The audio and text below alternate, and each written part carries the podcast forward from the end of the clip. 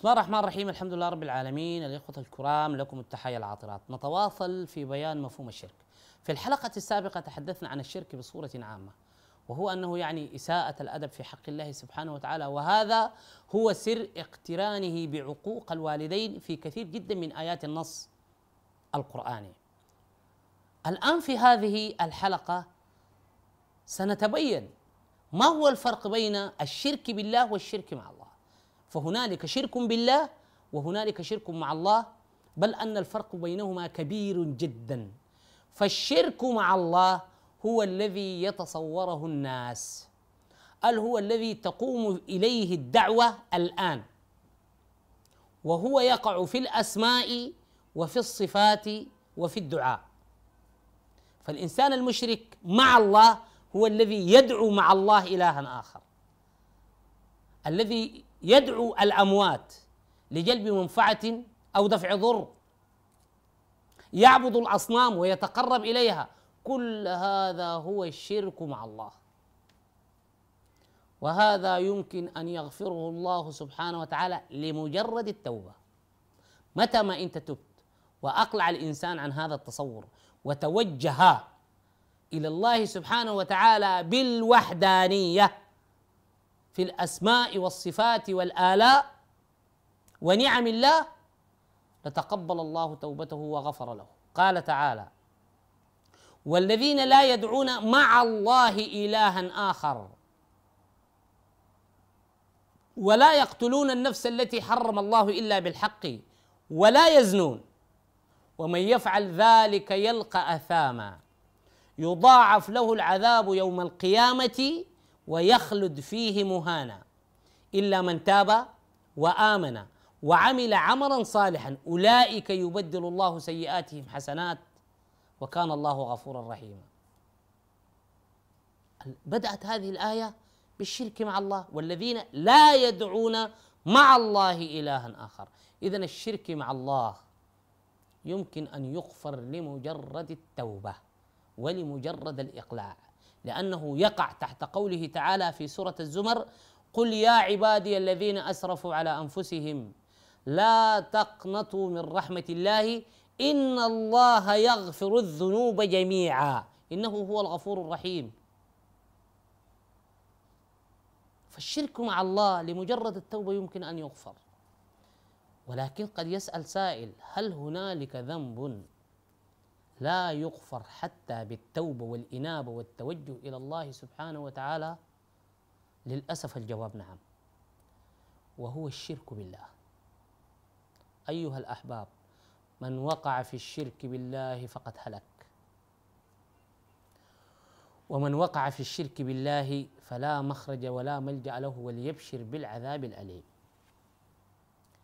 من وقع بالشرك بالله فقد خسر الدنيا والآخرة. ليس فيه توبة.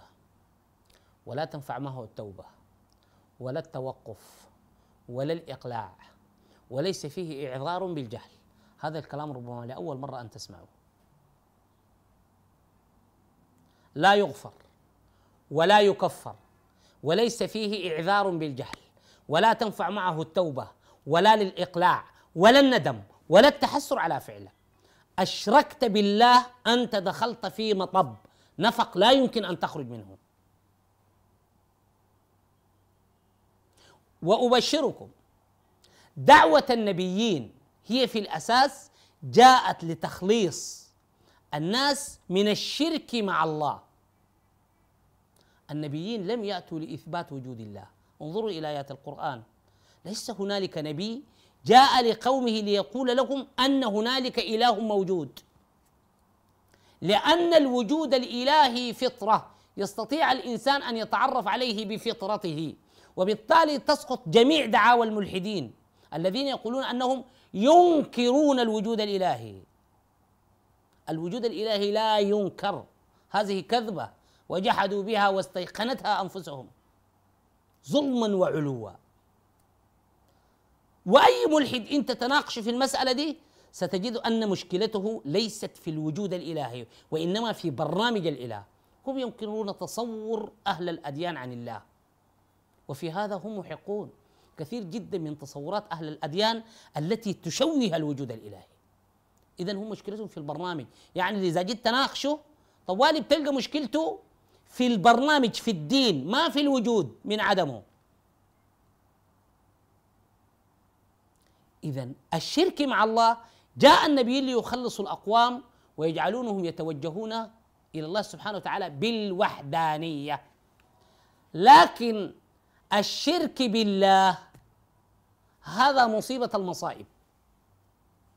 لو جاك نبي والله ما جاك نبي. دعاك والله ما دعاك. أنت أشركت بالله دخلت في ورطة عظيمة. ولم أجد في آيات القرآن كلها استثناء. ولو هامش من الاستثناء لمن وقع في الشرك بالله. إن الله شوف التوكيد ده. لا يغفر أن يشرك به. ويغفر ما دون ذلك لمن يشاء. ومن يشرك بالله فقد افترى إثما عظيما. وين الاستثناء هنا؟ هل في استثناء بتوبة؟ والله بإقلاع. والله بندم. في اشتراط ندم هنا؟ لا. ربنا قال لك إن الله لا يغفر ما قال أن يشرك معه. قال أن يشرك به. ومن يشرك بالله فقد افترى إثما عظيما. نفس هذا التركيب اللفظي للآية في آية أخرى. إن الله لا يغفر أن يشرك به. ومن يشرك بالله فقد ضل ضلالا بعيدا.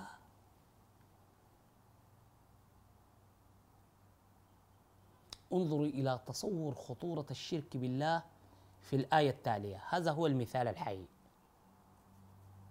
مثال تخيلي